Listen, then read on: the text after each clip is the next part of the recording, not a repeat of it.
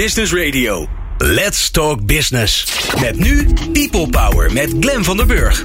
People Power is een programma over de kracht van mensen in organisaties. Met interviews en laatste inzichten voor betere prestaties en gelukkige mensen. Deze week gaat Glen van der Burg in gesprek met... Bas van de Hatert van Digitaal Werven en Jaap-Jan van Assen van ELO zijn te gast.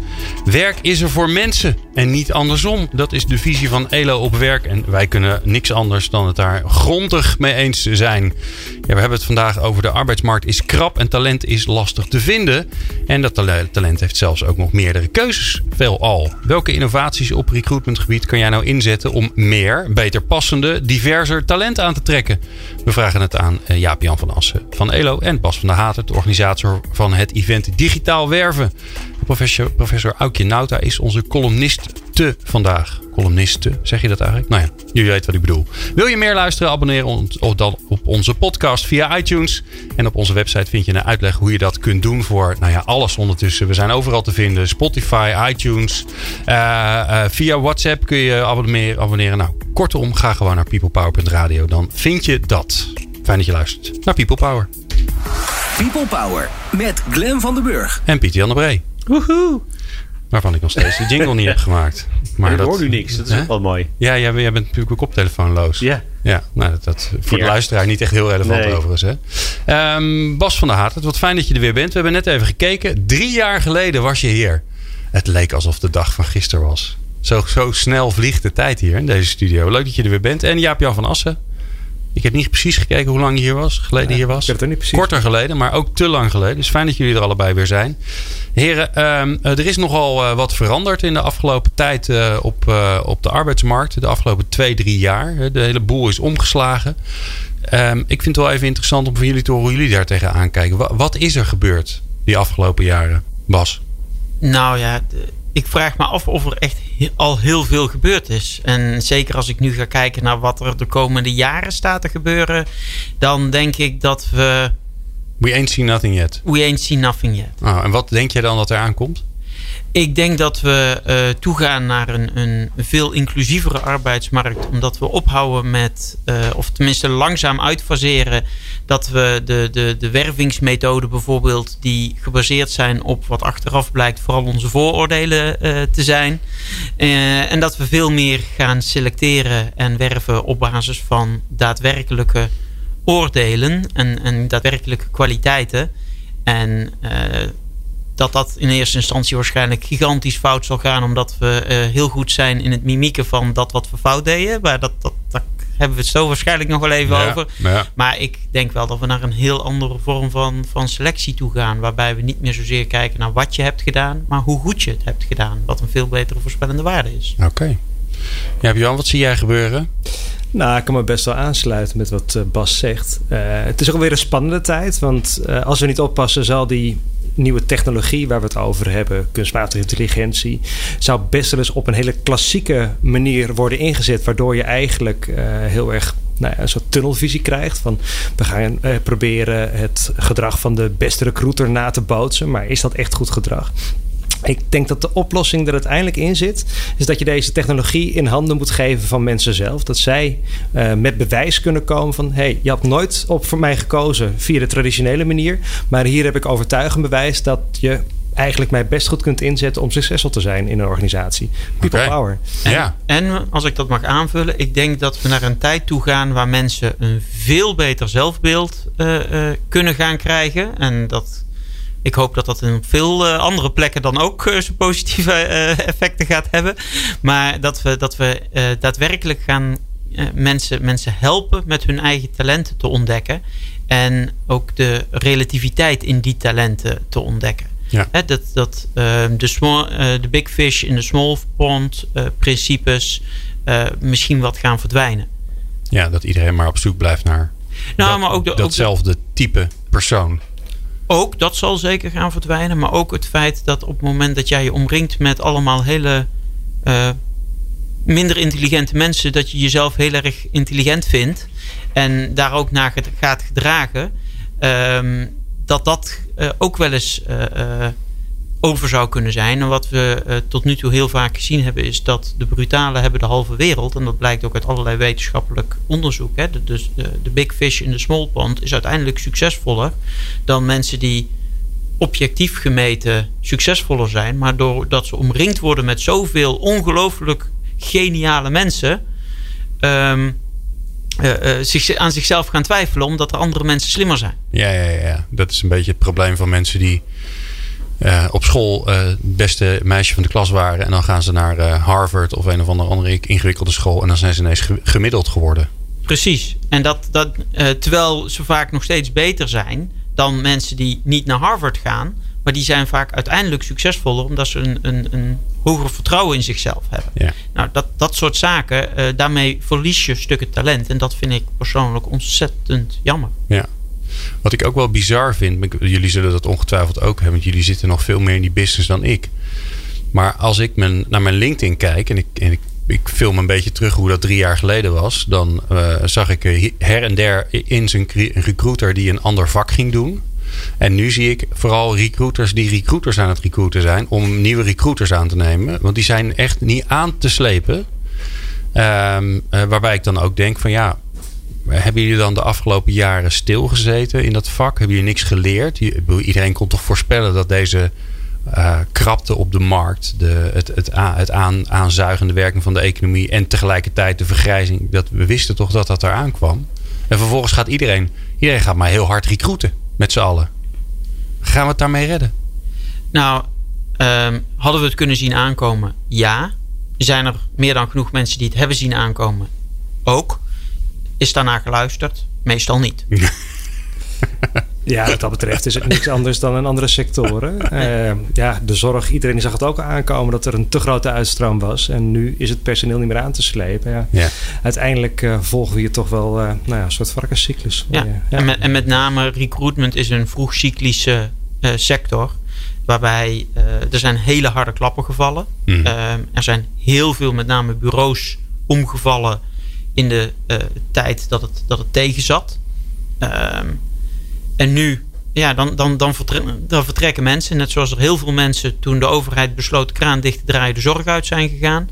Net zoals er heel veel leraren toen de overheid besloot dat, dat je maar voor minder en, en daarin de rem op ging zetten en, en dat je harder moest werken.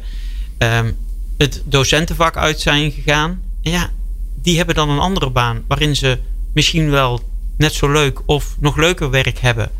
Of dat ze bang zijn om weer terug te komen, want ja, het is, uh, uh, het is cyclisch. Ja. Maar ja, meer recruiter. Ik, wat ik wel interessant aan deze tijd vind, of tenminste, ik ga het even checken bij jullie. Kijk, uh, meer doen van wat je gewend was te doen. Hè? Dus gewoon meer recruiters inhuren, meer vacature teksten de wereld in slingeren, meer adverteren. Dat houdt natuurlijk keer, hè, dat werkt effies, maar dat houdt een keer op. Is, zijn we nu op het punt beland volgens jullie waarbij de spanning zo groot is dat we echt gaan innoveren? Dat er ruimte gaat komen voor dingen echt anders doen, omdat het oude niet meer werkt? Ja, Jan, wat zie ja, jij? Ik, ik, zie het heel duidelijk. Um, we roepen al tijden, dan kom je al, opa, van uh, eigenlijk zou je meer de mens centraal moeten stellen op de arbeidsmarkt. En dat proberen we ook bij recruitment, proberen we dat toe te passen. Nou, hoe doe je dat? Uh, we hebben nu een hele mooie casus bij de gemeente Utrecht, waarbij uh, we mensen eerst door overigens op minimale lat laten springen. Van als je daaraan voldoet. Uh, dat gaat ook over hele praktische dingen. Ben je binnen twee afgestudeerd? Of uh, uh, nou, heb je een bepaald werk- en denkniveau? Als je dat hebt gehaald, gaat iemand vanuit zijn persoonlijke verhaal, onderbouwd met tools, allemaal slimme tools, vertellen uh, hoe die invulling zal geven aan die functie. En daarop wordt geselecteerd in plaats van dat we nog maar naar één strak profiel, één kokertje kijken. En uh, nou, daar was twee jaar geleden was er nog geen ruimte voor. Wij kregen het niet verkocht in elk geval. En nu merk je. Maar, maar zeg je dan tegen de arbeidsmarkt vanuit de gemeente Utrecht: wij zoeken goede mensen? Kom maar. Nou, en niet ik zoek een, een boekhouder of een uh, hoofd. Bij trainees heb je het iets makkelijker natuurlijk, hè? want die, die, die komen ja. binnen om te leren. Uh, maar was er voorheen een heel duidelijk trainee-profiel met allemaal competenties en gedragsankers, waar instrumenten werden ingezet om te kijken van, goh, gaan die dan goed functioneren? Wie scoort het hoogste? Die krijgt de baan. Mhm. Is het nu eigenlijk is het veranderd. Want uh, ja, we zoeken juist veel diversere mensen om invulling te geven aan die rol. Uh, wat Bas ook zegt, inclusiviteit, diversiteit is steeds belangrijker. Door naar één specifiek profieletje te kijken, krijg je dat niet voor elkaar. Door juist uh, het verhaal van mensen echt te beluisteren en te durven te kiezen daarop. En de, de bewijzen daarbij bij te nemen. Ja, dan, dan geef je daar, daar, daar ruimte voor. Maar ja, dat, dat, wat ik zeg, dat, daar zagen we twee jaar geleden nog geen, geen partij voor die daar klaar voor was. Ja. Ik zie, ik zie wel heel voorzichtig eerste stapjes. Wat, wat, wat Jaap Jan zegt. Deze casus kende ik nog niet. Ik zie er een paar andere.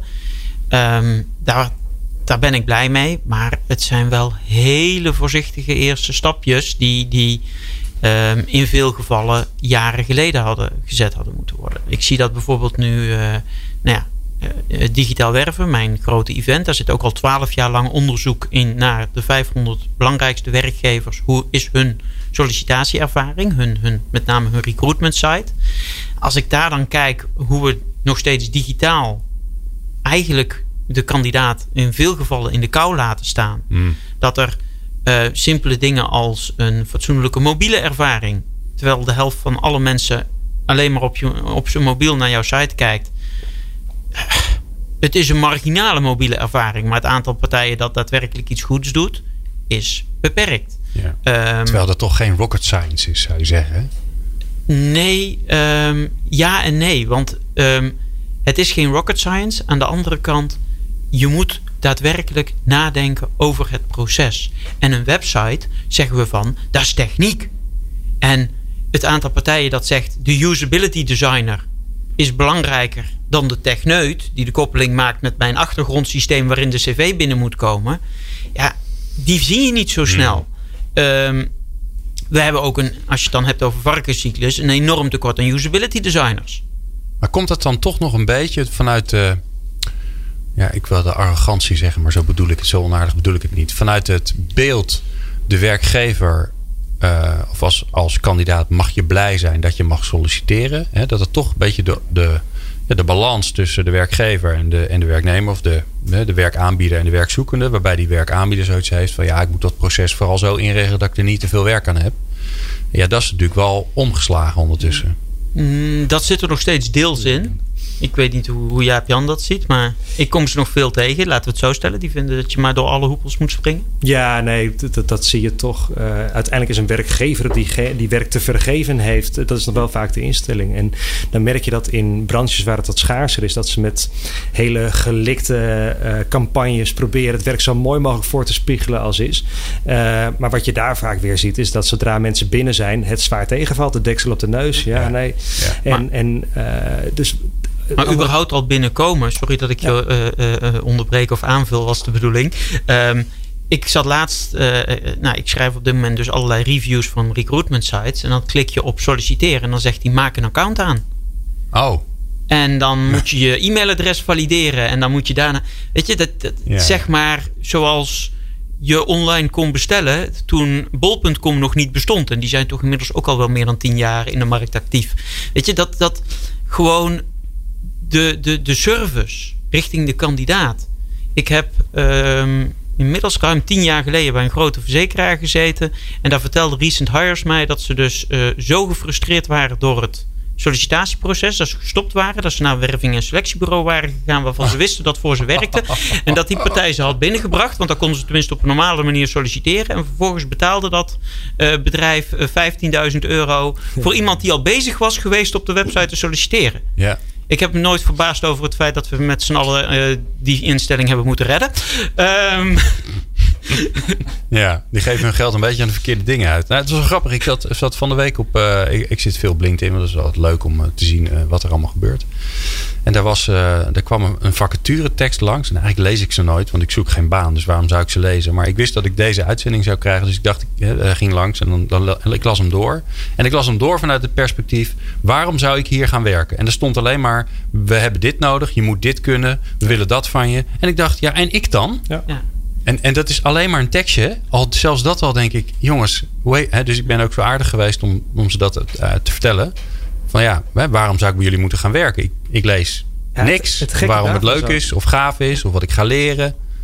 Het gekke vind ik ook dat we doen alsof dat werk heel voorspelbaar is en alsof dat, dat een, zekerheid is. Terwijl als we iets weten is dat je het werk niet meer doet waarvoor je ooit bent aangenomen. Al ben je drie maanden, een half jaar verder. En uh, toch nemen we dat als uitgangspunt en, en gaan daar met al onze campagnes en met selectiemethoden op selecteren. Terwijl, ja, maak mensen nou bewust waar ze goed in zijn, uh, waar de match is met, met talent, met drijfveren. En probeer ja, wat vaker met elkaar het gesprek te hebben. Goh, we gaan die kant op, ga je mee? Hoe ga je er invulling aan geven? En ja, probeer ik meer ruimte te geven voor jobcrafting, jobcarving. Of uh, in plaats van dat je mensen door al die hoepers laat springen, maar ook tijdens het werk heel erg, nou ja, eigenlijk in dat malletje probeert te vormen. En, en ja, wat dat betreft is het uh, nog wel ouderwets. Ja. Ik, ik ga zo. Ik, mag uh, ik daar iets op Ja, bijna. Bijna, want we moeten ook een beetje muziek draaien tussendoor. Um, ik ga straks aan jullie vragen hoe het dan anders moet. Dat hoor je straks.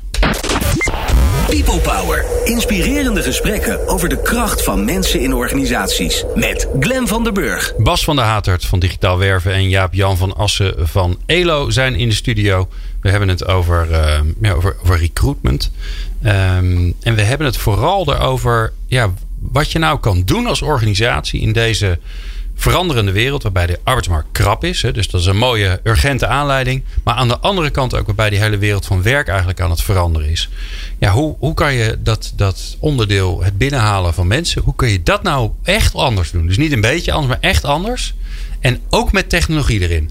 Nou, deze mannen die mogen dat even voor je oplossen. Uh, en dus daar ben ik heel benieuwd naar. Stel, stel je nou voor, er komt een, een bedrijf naar je toe en die komt precies met die vraag. Het is lastig, we moeten mensen binnenhalen, we kunnen ze niet vinden, we hebben alles geprobeerd. Wat we weten, het werkt niet meer. Jaap Jan, hoe lossen we dat op? Nou, voor mij is de oplossing best simpel. En dat is geef de mensen, het talent eigenlijk, geef die de beschikking over deze technologie. De technologie kan veel efficiënter dan mensen uh, helpen ontdekken wat je talent is, waar je drijfveren liggen.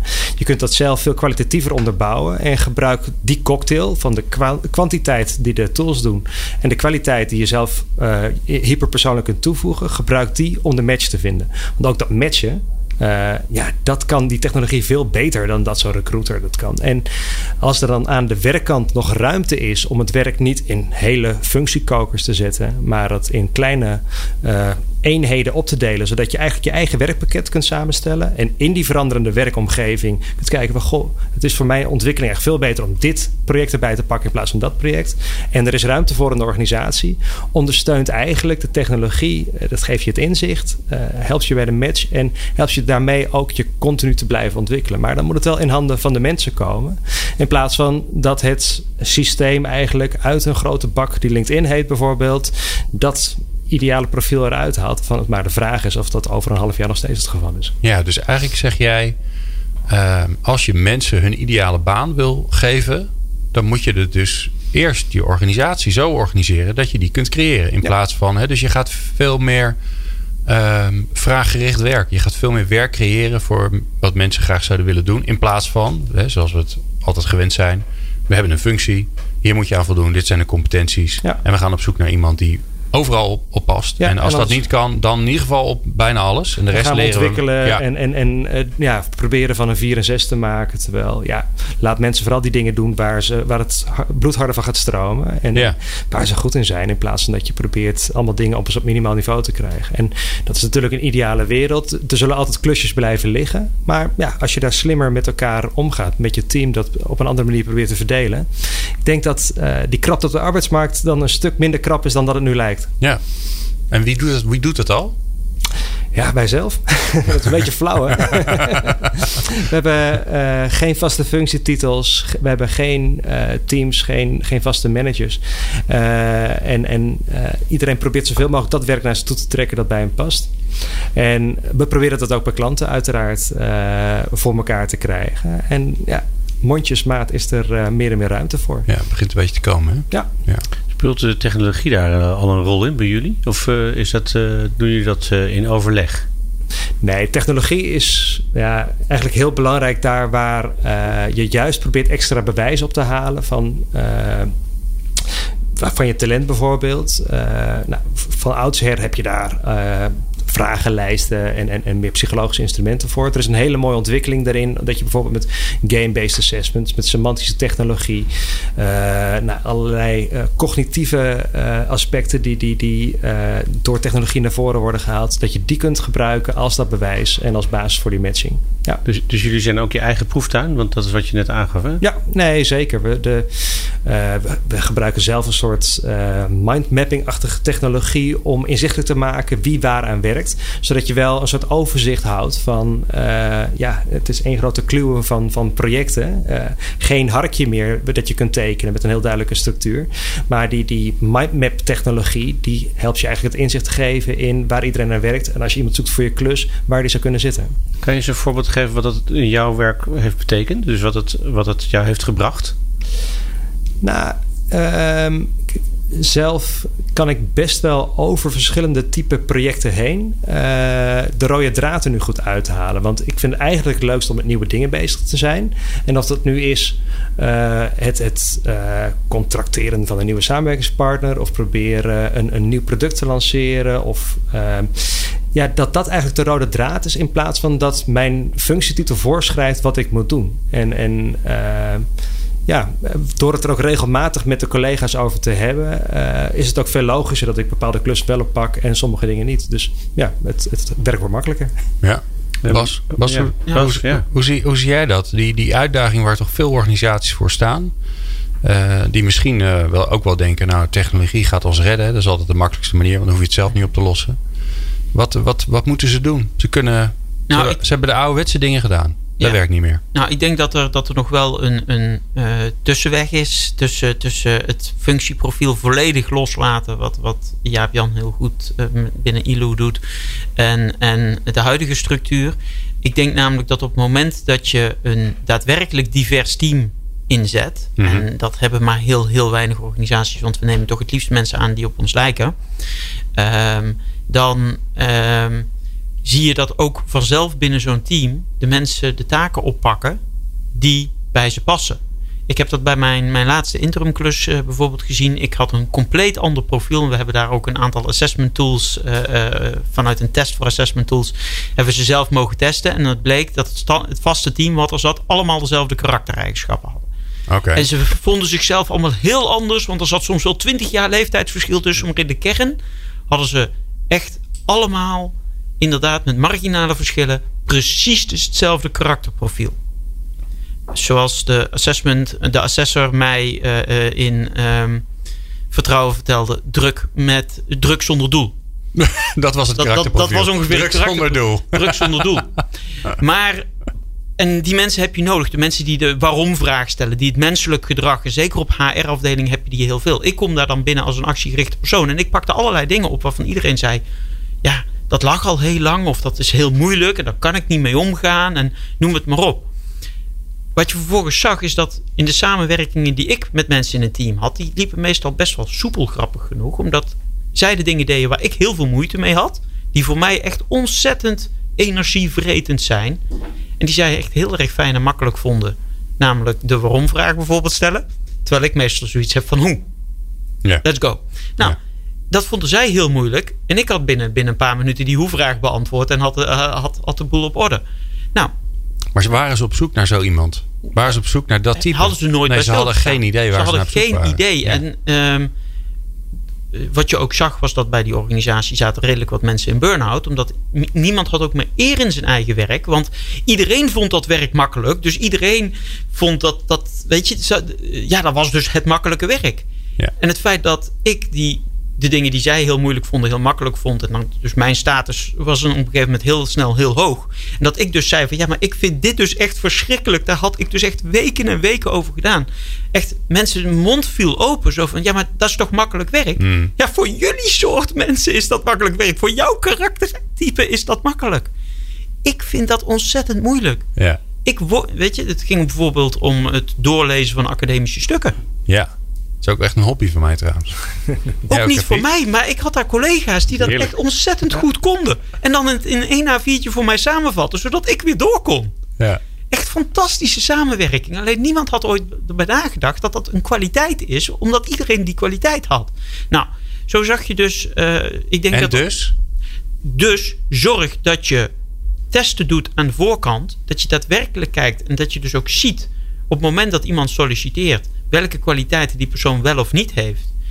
Dat je weet in welke allergiezone tijdens een gesprek die persoon bij jou gaat zitten. Want dat is vaak uh, gewoon heel duidelijk. En dat je dan realiseert dat dat een allergiezone is omdat die kwaliteiten heeft die jij niet hebt en jij kwaliteiten hebt die die persoon niet heeft.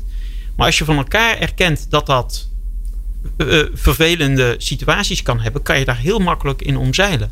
Ja, en nou, en nou denk ik, hè, Um, gemiddelde assessment van iemand die, uh, die ergens gaat werken, die uh, gaat dan DISC of nou, een van al die andere kleurtjes dingen, die gaan ze doen. En dan zeggen ze: Oh ja, we hebben meer blauw nodig. En dan, nemen, ze, dan nemen ze een blauw iemand aan. en daar is op zich niks mis mee hoor. Ik bedoel, ik, ik, het klinkt misschien een beetje, er zit een beetje vervelende toon in hoe ik het zeg. Um, maar toch zie je het weinig dat er echt bewust wordt gekozen van: Oké, we, hebben, we hebben een ander type nodig. Ja. Juist omdat ons hart zegt: nee, die op ons lijkt. Want daar kunnen we zo lekker mee kletsen. Of die, die kunnen we zo lekker stil mee zijn. Ja, ja en dat, dat, uh, je zal dat inderdaad hard door moeten zetten. Ik denk overigens dan dat je beter wel gevalideerde tools uh, uh, kan kiezen dan de, dan de kleurtjes of de MBTI's. Maar, ja, maar jij zei net, hè, we hebben een assessment van assessments gedaan. Ja. En wat komt er dan uit? Wat moeten we gaan doen? Nou, ik, ik ben zelf. Uh, dat ligt er heel erg aan wat de vraag is. In, uh, bij deze organisatie bijvoorbeeld bleek dat het onderscheidend vermogen voor de functie waarvoor we dit gingen doen, bleken uh, karaktereigenschappen te zijn. Dus daar hebben we voor een psychometrische assessment gekozen. Tuurlijk. En de, Moet je even uitleggen wat dat is? Uh, nou ja, dat, we, we, we, meten onder andere op dingen als doorzettingsvermogen, plannen en organiseren en, en uh, dat soort karaktereigenschappen. Dus een klein stukje innovatief uh, denkvermogen, de, de, de, risicobereidheid, maar ook weer niet te veel. Mm -hmm. um, ik weet dat bijvoorbeeld, nou dat is een van de, de sprekers op mijn digitaal werven event, bij, dat is de, de talentencoach van AZ. Mm -hmm. En daar kunnen ze in het veld heel goed zien of iemand de fysieke eigenschappen heeft. Weet je? Dat, dat, bal, balvaardigheid en zo. Maar die doen dus ook cognitieve testen om te kijken hoe goed is het brein en hoe goed is het brein in bepaalde posities. Vervolgens zetten ze mensen soms op andere posities in de jeugd al van 11, 12 jaar. Op andere posities omdat jij een slimheid hebt die bij een verdediger past of bij een spits. Oké. Maar vervolgens, uh, wat ze ook nog doen Um, is dat ze in hun uh, trainingen doen ze dingen die niet alleen jouw fysieke kwaliteiten verbeteren, maar ook jouw brein. En ze meten ook daadwerkelijk wat voor soort trainingen past. Dat jij beter wordt om bepaalde situaties te doen. En ze kijken naar de teamsamenstelling. Want wat, wat Jaap Jan net zegt, zet mensen in hun kracht. Probeer niet van dat 4 en 6 te maken. Moet je in het voetbal ook niet doen. Maar zorg dat als jij dan iemand hebt die bijvoorbeeld uh, net niet snel genoeg is, zorg dat er dan naast een andere snelle verdediger staat. Ja. En zorg dat die mensen in hun kracht kunnen spelen. En dat is dus, uh, nou ja, als je kijkt naar wat er de laatste tijd aan jeugdspelers bij AZ is doorgebroken, waarvan zelfs de meest negatieve voetbalcommentatoren zeggen: ja, het zijn wel allemaal hele slimme spelers. Dan denk ik, ja, ze zetten ze ook van, met breintesten op de juiste plek neer. Dat, dat, dat is best logisch dat dat hele slimme spelers zijn op hun plek. Dat hebben ze namelijk al vier, vijf, zes jaar bij die gasten getest. Ja, gaaf. Ja, zo zie je maar weer. Hè? Wat, wat, wat er allemaal kan. Behalve gewoon uh, meer vacatureteksten de weer in slim, wereld in slingeren. Nou, en als ik daar nog één ding op mag aanvullen. Waar we dezezelfde testen nu heel voorzichtig in pilotfase voor gaan inzetten. Mm -hmm. Is voor wat de sociale dienst noemt het uh, uh, ijzeren bestand. Of het oh, granieten bestand. Ja. Want daar heb je dus helemaal niks aan vragenlijsten. Want die mensen die hebben hun hele leven te horen gekregen dat ze helemaal niks kunnen. Ik geloof niet dat er mensen zonder talent zijn. Alleen dat er mensen niet weten wat hun talent is. Dus daar willen we op basis van uh, uh, ook dit soort game-based testen gaan kijken. Wat kunnen deze mensen nu echt? En kunnen we ze daar dan op trainen, opleiden op, voor een functie um, waar, ze, waar ze geschikt voor zijn? Mooi, daar wil ik straks meer van weten. We gaan zo eerst luisteren naar Aukje en naar haar maandelijkse column Aukjes aanrader. Hoor je zo. People Power met Glen van den Burg. Meer luisteren? people-power.nl Elke maand uh, hebben wij uh, professor Aukje Nauta in de studio. Uh, partner van Factor 5. Haar eigen bijzonder leuke adviesbureau. En hoogleraar op de CEO-leerstoel Enhancing Individuals in the Dynamic Work Context. Vind ik altijd leuk om dat uit te spreken. Kan ik even mijn uitspraak weer oefenen. In de, aan de Universiteit van Leiden. En wij hebben haar aan de lijn. Aukje, wat leuk dat je er bent. Dankjewel. Um, waar gaan we het over hebben? we gaan het hebben over uh, koester je afhankelijkheid. En uh, ja, die aanrader heb ik niet zelf bedacht, maar hij werd me aangereikt door jouw zakenpartner, Pieter Jan. Hij zit volgens mij in de studio. En wat ook maar weer aantoont dat ik niet zelf altijd maar onderwerpen voor mijn column kan bedenken. Dus ook ik koester mijn afhankelijkheid. Nou, beseffen dat je afhankelijk bent is vooral heel erg belangrijk bij duurzame inzetbaarheid. Hè? Toch het thema van mijn uh, aanraders. En bij discussies over duurzame inzetbaarheid erger ik me altijd wanneer de V-vraag op tafel komt. De V van verantwoordelijkheid. Wie is er nou verantwoordelijk voor duurzame inzetbaarheid? Vraagt dan een journalist of een werkgever. En vaak geven ze dan zelf ook nog maar vast het antwoord. En dus de vraag is voor hun kennelijk nog retorisch ook. Dat is toch zeker de werkende zelf, zeggen ze dan. Want mensen zijn zelf baas over hun eigen werk en leven. Ja, toch? Maar ja, in mijn ogen kun je dus helemaal niet in je eentje inzetbaar zijn. Je hebt altijd een werkgever of opdrachtgever nodig die op jouw diensten zit te wachten. Je bent dus zo afhankelijk als de pest. En dan helpt het erg als die werkgever of opdrachtgever jou geen werk en werkomstandigheden geeft waar je van opbrandt, maar werk dat je rijker maakt. Breed opzicht qua geld, geluk, groei, om maar wat willekeurige aspecten van die rijkdom te noemen. Nou, en hoe zit het dan met onze autonomie? Dat hoor ik nou de luisteraars denken. Uh, ja, dat is wel een dingetje. Ik roep zelf ook altijd hard van de daken hoe belangrijk het is dat werkende autonomie hebben. Omdat autonomie een basisbehoefte is van mensen en een energiebron ook. Als je al te zeer in de gaten wordt gehouden door prikklokken, algoritmen, invulformulieren, etc., dan word je dood ongelukkig. En dat gaat niet eens alleen over de baas die de werknemers niet vertrouwt. Want vorige week, echt afgelopen vrijdag nog, sprak ik iemand die verhaalde over hoe in zijn eigen organisatie ooit de prikklok afgeschaft werd. In eerste instantie was de weerstand tegen het afschaffen groot. En die weerstand kwam niet van de managers, maar juist van de medewerkers. Die vonden ieder voor zich dat zij zelf de vrijheid van de verdwenen prikklok makkelijk aankonden. Maar hun collega's, die zouden er voortaan zeker weten de kantjes van aflopen. Nou, dit voorbeeld laat zien dat wij mensen het zelf zijn die vaak de autonomie van de ander inperken. En dat doen we vooral wanneer we ervaren dat we op een negatieve manier van elkaar afhankelijk zijn. Zoals in het geval van die medewerkers die vrezen het werk te moeten opknappen van collega's bij wie ze luiheid vermoeden zodra de controle zou wegvallen. Dus bij negatieve afhankelijkheid vertrouwen we elkaar niet. Maar gelukkig bestaat er ook zoiets als het ervaren van positieve afhankelijkheid. Het gevoel dat je door samen te werken elkaar groter, sterker, beter maakt. Zoals ik voor mijn ogen zie gebeuren als ik jou, Glenn, uh, samen met Pieter Jan mooie podcasts zie maken. Jullie zijn samen meer dan de som der delen. Nou, in zulke situaties besef je dat je en afhankelijk en autonoom kunt zijn. Of anders gezegd, ervaar je autonomie in verbondenheid. Dus daarom wil ik eigenlijk ook eindigen met een citaat van Connie Palmen. Het is afkomstig uit haar boek De Vriendschap.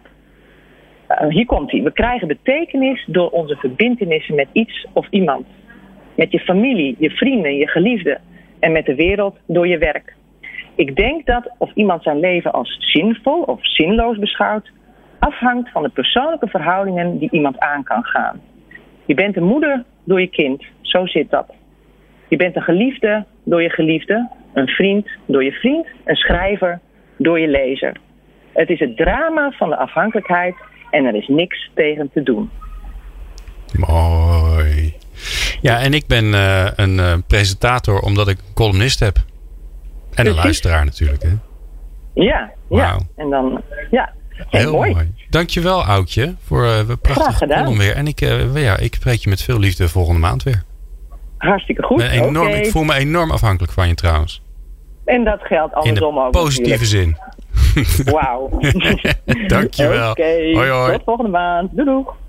People Power. Inspirerende gesprekken over de kracht van mensen in organisaties. Met Glen van der Burg. Bas van der Hatert en uh, Jan-Jaap van Assen in de studio. We praten over recruitment. En uh, ja, we zijn uh, net voor, uh, voor Oudje Nauta kwam er nog wat tussen neus en lippen door over het granietenbestand. Nou ja, daar iedereen die langs de kant van de arbeidsmarkt staat en niet de mogelijkheid heeft om erop te komen, daar hebben wij natuurlijk een speciaal plekje voor in ons hart. Dus Bas, hoe, hoe, hoe kunnen nieuwe technologieën daar nou aan bijdragen om te zorgen dat we eh, daar ook mensen aan het werk krijgen? Nou, eh, wat ik gemerkt heb aan, aan het granieten bestand, de mensen die aan de kant staan, is dat uh, ik ben nog nooit iemand tegengekomen zonder talent. Ik geloof daar niet in. Iedereen heeft talent. Het grote probleem wat je ziet is dat mensen niet weten wat voor talent ze hebben en niet geloven dat ze talent hebben. Um, als je kijkt naar, um, als er, als, uh, naar het granieten bestand, uh, laten we het dan maar zo even blijven noemen, mm -hmm. dan zie je bijna een structureel hetzelfde verhaal. Namelijk, ouders hebben altijd gezegd dat ze helemaal niks konden. De uh, docenten op school hebben dat beeld versterkt. En, ja. en, en, um, en het was altijd niks. En die mensen geloven dus ook oprecht dat ze niks kunnen. En ik heb vorig jaar een aantal keren op een entreeopleiding, hè, de MBO 1 niveau. Die mensen die komen daar, als die af, klaar zijn met hun school, hebben ze nog geen startkwalificatie. Ja. Dan, dan, dan ben je de assistent van de, de, de vrachtwagenchauffeur, om het zo maar te zeggen. En ik heb daar nog nooit een leerling gezien waarvan ik echt zeg van, nou, jij kan echt helemaal niks. Natuurlijk kunnen ze wel dingen. Alleen ze moeten beginnen met te geloven dat ze dingen kunnen. Daarnaast moeten we goed gaan kijken wat ze daadwerkelijk kunnen en, en op welk niveau. Nou, daar kan je dus met game-based testen kan je heel goed gaan kijken waar op de cognitieve schaal wat jouw krachten zijn. Je moet even uitleggen hoe dat werkt. Game-based testen. Want voor veel mensen is dat denk ik een nieuwe term. Heel, heel wat simpel, moet ik me voorstellen? Heel simpel. Je speelt een spelletje. Ja. En um, ik heb er inmiddels uh, uh, vele verschillende varianten gedaan. Uh, de een lijkt op Angry Birds. Oké. Okay. En daar kan je alleen um, wat, wat zo'n spel dan doet, is dat ze 1500 datapunten per minuut van hoe jij het spel speelt bekijken. Okay. En daarmee kunnen ze alles, van je ruimtelijk inzicht tot je lerend vermogen, tot noem het allemaal maar op, kunnen ze testen. Tot je doorzettingsvermogen, tot noem het allemaal maar op. Nou, ik heb, uh, uh, en daar zijn er verschillende varianten van. Uh, degene waar ik het nu over heb, waar ik de naam even niet voor gaan noemen, want dat, dat nee, is te commercieel. We doen niet aan reclame hier. Uh, maar die hebben dus onder andere een aantal schietspellen. En er veranderen dingen gedurende dat je daarmee bezig bent. Hoe snel pas je aan? Hoe goed? Uh, nou, daar meten ze allerlei hersendelen van. Je hebt, uh, blijkt uit, uit de neurologie, 16 verschillende hersendelen die heel goed te identificeren zijn en die dus te stimuleren zijn. En op basis van hoe jij ergens op reageert, meten. Kunnen en is dan meten? het interessante van dat game-based testen dat mensen iets aan het doen zijn in plaats van dat ze. Maar dat vind ik altijd het gevaarlijk van die, van die vragenlijsten. Dan moet je je eigen gedrag gaan voorspellen. Ja, nou, het is inderdaad in plaats van een zelfbeoordeling, waarbij je dus zegt: van, Ik ben iemand die doorzettingsvermogen heeft. Kijk je veel meer naar hey, wat laat iemand daadwerkelijk zien. Ja, uh, ga je voor de 34ste keer datzelfde level doen terwijl je er eigenlijk niet doorheen komt? Nou, dat is grappig genoeg. Een van de, de, de testen, inderdaad, letterlijk, ja. die in een game zit, die toevallig waar uh, ILU sinds kort uh, de vertegenwoordiger van zijn. Daar kijken ze dus hoeveel. Dan moet je op een gegeven moment een bepaalde test doen. Je gaat af, want hij is te moeilijk. En als je niet afgaat in, op dat stukje, dan ben je. Nou ja, ben je gelijk aangenomen bij het bedrijf zelf. Uh, dan ben je een toekomstig Nobelprijswinnaar. Want dan ben je gewoon te geniaal voor woorden. Want het, het, is gewoon te moeilijk. De vraag is: hoe vaak ga je door? Ik heb daar met, met die partijen wel eens over gehad. Ze zijn, we kwamen, zijn nooit één iemand tegengekomen. Die is 146 keer doorgegaan. Jeetje. Dat noemen we geen doorzettingsvermogen meer. Dat noemen we extreem perfectionisme. Ja. En die moet je dus ook weer niet hebben in, in, voor dit bedrijf. Was want... jij dat, ja, Jan, of niet? nou, dat, nee. dan ken je me niet goed genoeg. Nee.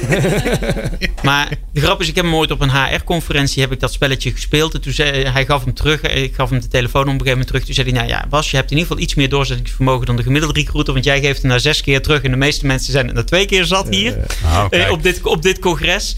Maar uh, als je hem echt test. Uh, dat is overigens de enige test binnen die hele game waarvan ik wist wat ze aan het testen waren. Ja, ja. Dus je kan het ook niet faken. Je kan het alleen naar je optimale kwaliteit spelen. Want je weet niet eens wat ze aan het testen zijn. En dingen als reactiesnelheid of, of conscientieusheid, hè, de, de, oog voor detail, kan je niet uh, uh, faken.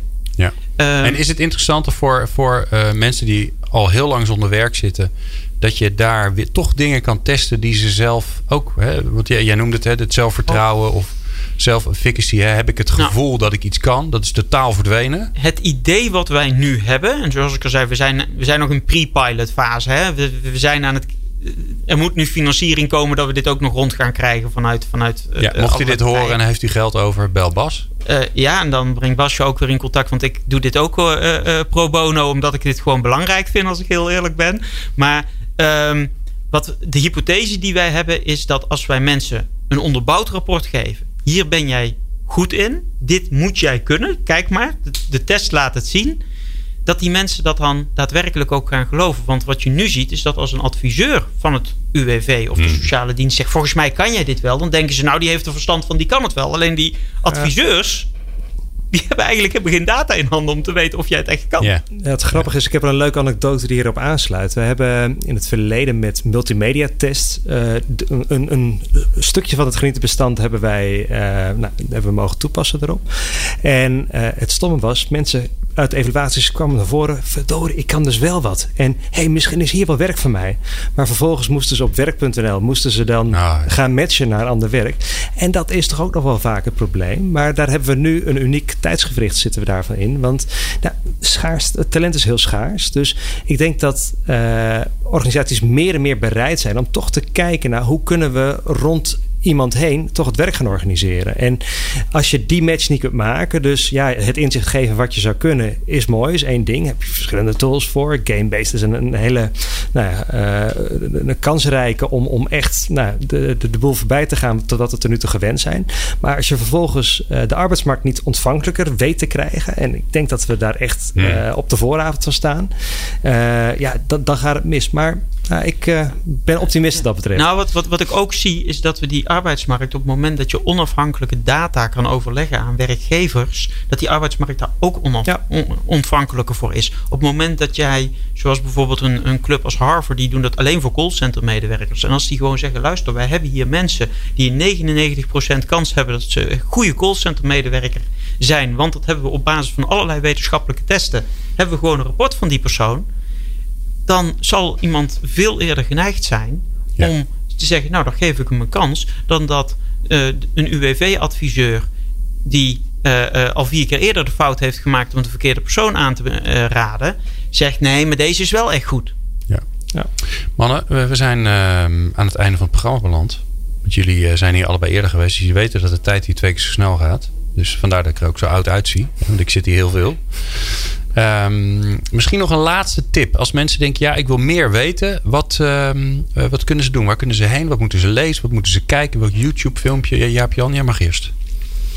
Ja, het is een beetje flauw om voor eigen parochie te prediken de hele tijd. Maar eh, ja, we proberen echt dat verhaal van mensen voorop te stellen. En, en ja, ga naar onze website. Je ziet heel veel mooie verhalen en oplossingen hoe het ook anders kan. Hoe je het kunt omdraaien. Eh, www.elo.nl Ja, dubbel E, dubbel L, dubbel O. Hè? Dat is altijd handig. Ja. Bas? Ehm, nou ja, er zijn op korte termijn, als je het voor de HR-mensen hebt, twee congressen die daarover over gaan. Het werf- en selectiecongres, waar ik een van de keynotes ben, die exact hierover spreekt. En mijn eigen congres Digitaal Werven, waar onder andere het hoofd talentontwikkeling van AZ komt vertellen hoe ze dit soort tools in het voetbal toepassen. Mooi. Ja, top. Nou, goede tips allebei. Eh, dank jullie wel. Eh, ik vond het fijn dat jullie er weer waren. eh, na te lange tijd. Dus eh, don't be a stranger. Tot snel weer. Bas van der Hatert van Digitaal Werven. En Jaap Jan van Assen van ELO. Dankjewel. Wij gaan in de volgende aflevering van People Power in gesprek met Sven Jensen van Climate Cleanup. En hij is de gast bij eh, Leading People Power. Dus het gaat over, eh, over leiderschap. Mensen die, eh, die het voortouw nemen. Zonder Harry Starre, want die had, die had wat anders te doen. Dat kan je ook wel eens hebben. Dus ik neem zijn plaats in. Wat natuurlijk een enorme, enorme eer is. Ehm, en Sven heeft nogal een interessante missie. Namelijk het probleem van klimaatverandering oplossen. En dat hoor je zo in de volgende aflevering. Meepraten of meer programma's? people-power.nl